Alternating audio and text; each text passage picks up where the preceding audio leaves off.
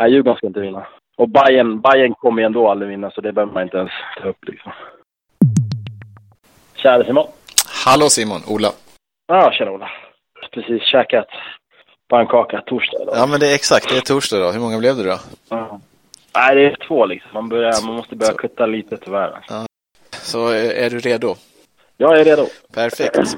Hej och välkommen till Sveriges största podcast om simning eh, som heter Snabbbanan. Jag heter Ola Strömberg men på andra sidan Skype-linan så har vi någon mycket mer intressant än jag. Vem är det? Simon Sjödin. Simon Sjödin eh, som har nått den beaktningsvärda åldern av 32 plus, stämmer det va? Ja, det stämmer, det stämmer. Jag, jag ser mig som ja, 32. 32, ja. Och om man ser på dina framgångar eh, simmässigt så har du ju en jäkla lång och diger meritlista med medaljer på mästerskap och massa svenska rekord och liknande. Och har valt, eller har blivit bäst i alla fall, jag vet inte om du har valt, men har blivit bäst på väldigt jobbiga distanser. 200 fjäril, 400 medley, 200 medley. Varför väljer man sådana distanser? Nej, men det är för att man inte har de här snabba muskelfibrerna skulle jag vilja gissa på. att eh, man, man försöker liksom. Det är 100 frisim, 100 fjäril, de här kungadistanserna liksom hade man ju gärna velat försöka sig på. Men uh, tyvärr så besitter min kropp inte de resurserna så att uh, jag får plåga kroppen lite längre. Mm. Och köra lite längre distanser. Och om man tittar på 200 fjäril jämfört med 200 eller 400 medley, vilken av dem simmar du helst? jag minns simmar i alla fall 400 medley. Simmade den ju förra månaden och det var fruktansvärt. Men jag tror 200 medley är nog den distans jag skulle välja om jag fick eh, bestämma helt själv. Mm. Men det, och den 400 medley som du gjorde förra månaden, den måste du ändå varit ganska nöjd med, fast du blev jävligt trött. Ja, ah, jo det var det. Var, jag hade väl en plan att eh, jag ville bli obekväm. Jag, jag har alltid varit rädd för 400 medley och jag visste att eh, att det inte skulle bli lätt, men jag trodde inte det skulle vara så jobbigt. Men det var fruktansvärt, så det dröjer väl fem år innan jag simmar in. ja, fy fasen. Ja, så är det. Om man tittar på din simning nu jämfört med för fem eller tio år sedan, vad är skillnaden i hur du tränar till exempel? Är det någon skillnad? Äh, ja, det har väl blivit skillnad. Jag flyttade ner till Köpenhamn för några år sedan äh, och körde med äh, det danska NEC nere på Bellahöj. Eh, och eh, när jag kom tillbaka till Stockholm i höstas och så la jag väl upp träningen att jag är tvungen att träna mindre. Eh, även fast huvudet är fortfarande 20, kroppen känns nästan som 40 ibland. Så att eh, jag var tvungen att skära ner på träningen och verkligen ta hand om min återhämtning. För den, tyvärr så är den inte som förr liksom. Det tar längre tid att återhämta sig efter ett långt pass och man måste verkligen vara noggrann med det. Men eh, utöver det så kan jag köra på. Men eh, att jag måste ta längre vila mellan mina hårda pass är väl nyckeln. Mm. Kör du samma antal pass och bara att det är lite annorlunda typ av pass? Att säga? Eller kör lika ofta? Uh, nej, jag kör, jag är nere på sju pass i veckan nu bara. Okay.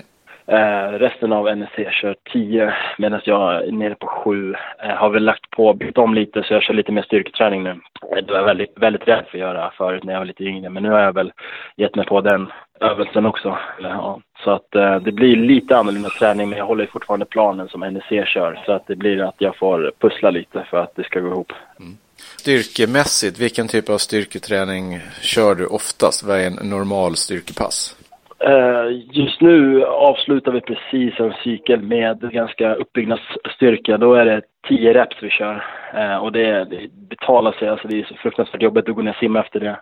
Men i, imorgon är sista passet. Eh, vi kör tungt. Sen kommer vi gå på maxstyrka i fyra veckor och sen kommer vi gå på explosstyrka i tre veckor. Sen börjar vi toppa. Så det, det är en ganska bra utförd plan som min styrkecoach och assisterande coach på NSC, Antonio Luther, har lagt upp. Så att eh, ja, jag tror på den och jag följer den till punkt och prick.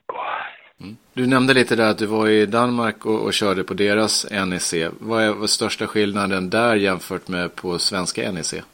Det är väl lite tuffare klimat i Danmark överhuvudtaget. Det känner man ju när man har bott där liksom att det svenska är väl lite mer återhållsamma medan eh, danskarna de säger exakt vad de, vad de tänker. Eh, och simmässigt var det också liksom att det var kör det jag säger, sa coachen liksom. Så att det var, man hade väl inte lika mycket att säga till om som vi har här hemma i Sverige. Men eh, eh, jag gillade den träningen och coacherna där nere, Martin från eh, Holland och Mads från Danmark var eh, riktigt bra. Och eh, det går, gick ju riktigt bra för deras grupp nu i, ja, på deras kval och på Swim Open. Så att eh, någonting rätt gör de där nere i Köpenhamn. Om man ser på eh, svenska NEC, vad ser du är nyckeln för att vi ska få fram ännu fler bra internationella simmare? Är det att fler ska träna på NEC eller att man ska ha ännu bättre möjligheter att träna på sin hemmaklubb? Eller vad ser du som har varit med ett tag? Jag skulle gärna vilja se att man utvecklar NEC. Eh, för i princip är det likadant som vi hade när vi började NEC 2013. Att eh, en produkt måste alltid utvecklas, annars hänger man inte med i utvecklingen. Så att men det är ju kostnadsfrågan och pengar som är det stora problemet. Och, eh, men jag tror om vi vill ha en riktigt god eh, elit som bara spottar, spottar fram talanger och eh, mästerskapssimmare så måste vi utveckla en redan fungerande komponent som NEC är. Men vi måste ändå pumpa in mer pengar och göra det mer, mer attraktiv och även kunna skapa eh, andra center i Sverige. För vi är ett så stort land så vi skulle kunna dra upp två, två tre stycken NEC i min mening, men det är ju en kostnadsfråga. Och om man, när du nämner det att eh, utveckla NEC, vilka delar är det där du känner att det här skulle vi ha behov av att ha mer av på existerande i Stockholm? Uh, I nuläget så, nu har vi börjat få in lite mer testning och det tycker jag är jättebra. Men uh, det jag tror stora problemet är att vi måste ut och, och racea mer i internationell miljö. Eh, och som sagt, det, det, kostar ganska mycket att ut och tävla, men jag tror att vi måste göra det kontinuerligt, att åka ut och tävla och verkligen känna på den internationella miljön lite mer. Eh, man ser de andra stora programmen är ofta ute och racear i tuffa miljöer och, och obekväma miljöer och jag tror att det är en sån sak vi i Sverige måste bli bättre på. Så att när man kommer till ett mästerskap att man inte bara, vad är, vad är det frågan om, vilka är det här liksom, utan man vet att man är bekväm med det man gör och kan gå ut och göra sin grej. Mm. Tror du att det är en av anledningarna till att det faktiskt är ganska få juniorer som har, blir väldigt bra seniorer i Sverige? Jag tror det är en av, en av anledningarna. Det är klart det finns olika anledningar och eh, jag tror att eh, det handlar om att inte bli bekväm. Inte för att tala illa om dagens juniorer, för det, de, vi har jättemånga duktiga talanger liksom, men jag kommer ihåg själv när jag själv var 20-21 att vet, det var ingen som klappade mig på bröstet för att jag simmade en EM-final. Utan det var ju bara att okej, okay, nu måste vi lägga allt vi har för att vi ska ta oss till nästa nivå. Eh, och det är verkligen när man kommer upp i landslaget att man inte bara blir bekväm genom eh, att simma ett mästerskap utan man måste vill alltid sträva efter att ta sig till en ny nivå. Och eh, jag tycker personen att man ska ha ett eller två senare mästerskap och sen på det tredje då, då ska man leverera. Eh, jag tror det finns någon statistik på det som säger att eh, två mästerskap och sen ska du försöka sätta dig själv i en EM-final eller en VM-final eller vilket mästerskap det nu är, liksom, är en grundförutsättning för att verkligen få den, få den internationella karriären på seniornivå du, du är ute efter. Det låter lite som att du kan ha förbundskaptens ambitioner här, det är spännande. Vad, om du nu låtsas att du är förbundskapten, vad skulle vara viktigast då? Nej, jag tycker vi har en så bra förbundskapten som vi har. Så att någon, gång kommer hon, någon gång kommer hon säkert också sluta. ja, jo, kanske. Eh, men det viktigaste är att få upp folk till en eh, respektabel elitnivå. Och som sagt, steget mellan junior och senior, det är ganska stort och det växer och växer. Liksom. Så att jag tror att eh, vi måste lägga stora resurser i, i eh, just de här EJM-åldrarna kritiska åldrarna. För att andra länder, de har vad ska man säga, ett mer fungerande system.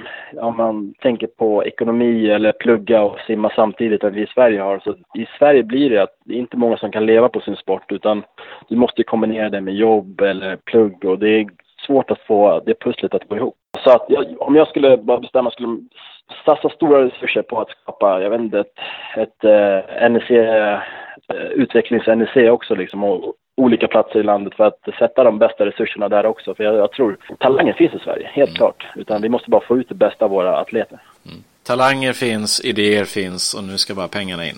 Exakt, exakt. Mm. Vem är nästa stora svenska eh, storstjärna, tror du?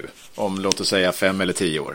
Eh, jag ser, jag tränar med Robin Hansson några gånger i veckan och han har ett sånt vattenläge som man blir avundsjuk om man tittar på det liksom. Utan han ligger så fruktansvärt fint i vattnet så att jag ser han har alla möjligheter som finns att, eh, att ta nästa steg och bli våran nya 200 frisimskung liksom. Mm, spännande. Jag har ju tävlat mot hans pappa och hans vattenläge var inte exakt samma.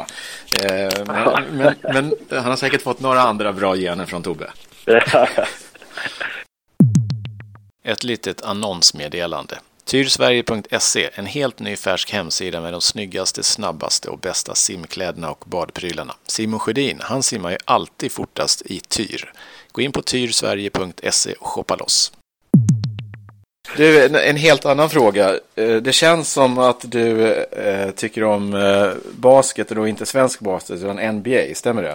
Ja, jag följer amerikansk sport slaviskt ska jag säga. Det är inte riktigt bra med tv-tiderna liksom, men jag försöker hålla bra koll på, på sporten på andra sidan Atlanten. Ja, vilka tar hem finalen när det väl är dags för det på NBA? Ja, det borde ju bli Golden State. Eh, eller ja, och sen eh, kommer Durant till eh, mitt favoritlag Lakers och sen vinner Lakers nästa år. Så att eh, det är mitt drömscenario. Ja, bra. Och jag håller på Bucks, så vi får se vem som har rätt. mm. Om vi pratar lite annan svensk sport. Eh, du är ju ett stort AIK-fan. Yes. Eh, ligger nu sjua i allsvenskan. Vad känner du för det? Ja. Jag tycker det är en ganska bekväm position. Om man tittar upp så är det inte alls för många poäng upp. Och jag brukar säga, sa det, att Göteborg postade när de var serieledare. Djurgården postade på deras Instagram att de var serieledare. Liksom AIK, Malmö och sådana lag, liksom, de väntar till säsongen är slut innan de kan posta att man är serieledare eller serievinnare. Liksom. Jag tror att säsongen är lång och jag tror att vi har ett lag för att återupprepa ett SM-guld och eh, ja, vinna Champions League. Så en, en, light burn till Djurgården. en light burn till Djurgården. Vil, eh, vilka, ja. vilka ser du helst eh, inte ska vinna då? Eh, det är Djurgården. Ja, det är Djurgården. Eh, ja, ja, ja, man får väl säga att man känner avsky för Djurgården. Och det är derby på söndag. Och det är ett ångestderby, så att... Eh, Djurgården ska inte vinna. Och Bayern, Bayern kommer ju ändå aldrig vinna, så det behöver man inte ens ta upp. Liksom. Nej, okej. Okay. Så det, fin det finns ett, ett, en bra nivå av avsky med lite glimten i ögat, men ändå allvar. Ja, ja, exakt. Mm. Ja, nu går vi tillbaka till simning. Du har haft både ups and downs. Eh, både tagit medalj på mästerskap, eh, inte lyckats på mästerskap, inte blivit uttagen till tävlingar där du tyckte du borde bli uttagen till. Eh, hur hanterar man sånt när man känner fan nu går det emot? Ja, det är största prövningarna och eh, för min egen del har det väl alltid varit en, eh, en känsla att eh, det finns mer i mig och att jag vill verkligen känna när jag är klar med simningen att jag är helt klar att jag inte ska tänka tillbaka. Varför gav jag inte en till chans? Och jag tror att de här motgångarna har stärkt mig. Nu när jag tog VM-kvalet i Norge, Bergen, liksom, jag, jag, jag förstår jag uppskattade att jag hade ta, gjort en bedrift och tagit mig någonstans. Liksom, och att jag tittar tillbaka och säger okej, okay, jag är tillbaka. Eller att jag gjort något bra. För förut gick allting per automatik, att man bara okej, okay, jag ska ta VM-kval, jag ska mm. simma VM-final. Liksom, att man man slutade uppskatta saker utan det var bara saker man skulle göra. Mm. Så jag tror att åldern, jag har blivit lite klokare mm. med åldern. För... Förväntade du dig att VM kvala i Bergen eller var du mer än vad du hade trott? Nej, jag gick ju in att jag skulle kvala. Jag hade väl några dagar kvar på toppningen, men jag, jag gick alltid in att jag såg en chans att simma snabbt. Liksom, att eh, jag skulle kunna simma snabbt i alla lägen. Så att, eh, det var skönt att få det gjort eh, i Bergen när man kom till hemmaplan. Mm. Innan man kom till hemmaplan. Och vad har du för mål på VM i Korea? Det är väl först nu jag har börjat sätta upp målen, för jag kör ganska kortsiktigt. Jag, så jag kör, I januari sa jag jag kör till eh, Swim Open och eh, nu, kör, nu sa jag att jag kör till VM så får jag se liksom. Och eh, mitt mål är att simma snabbare än jag någonsin har gjort. Eh, nu har jag inte gjort det på, på några år liksom. Jag känner att jag har hittat en bra balans.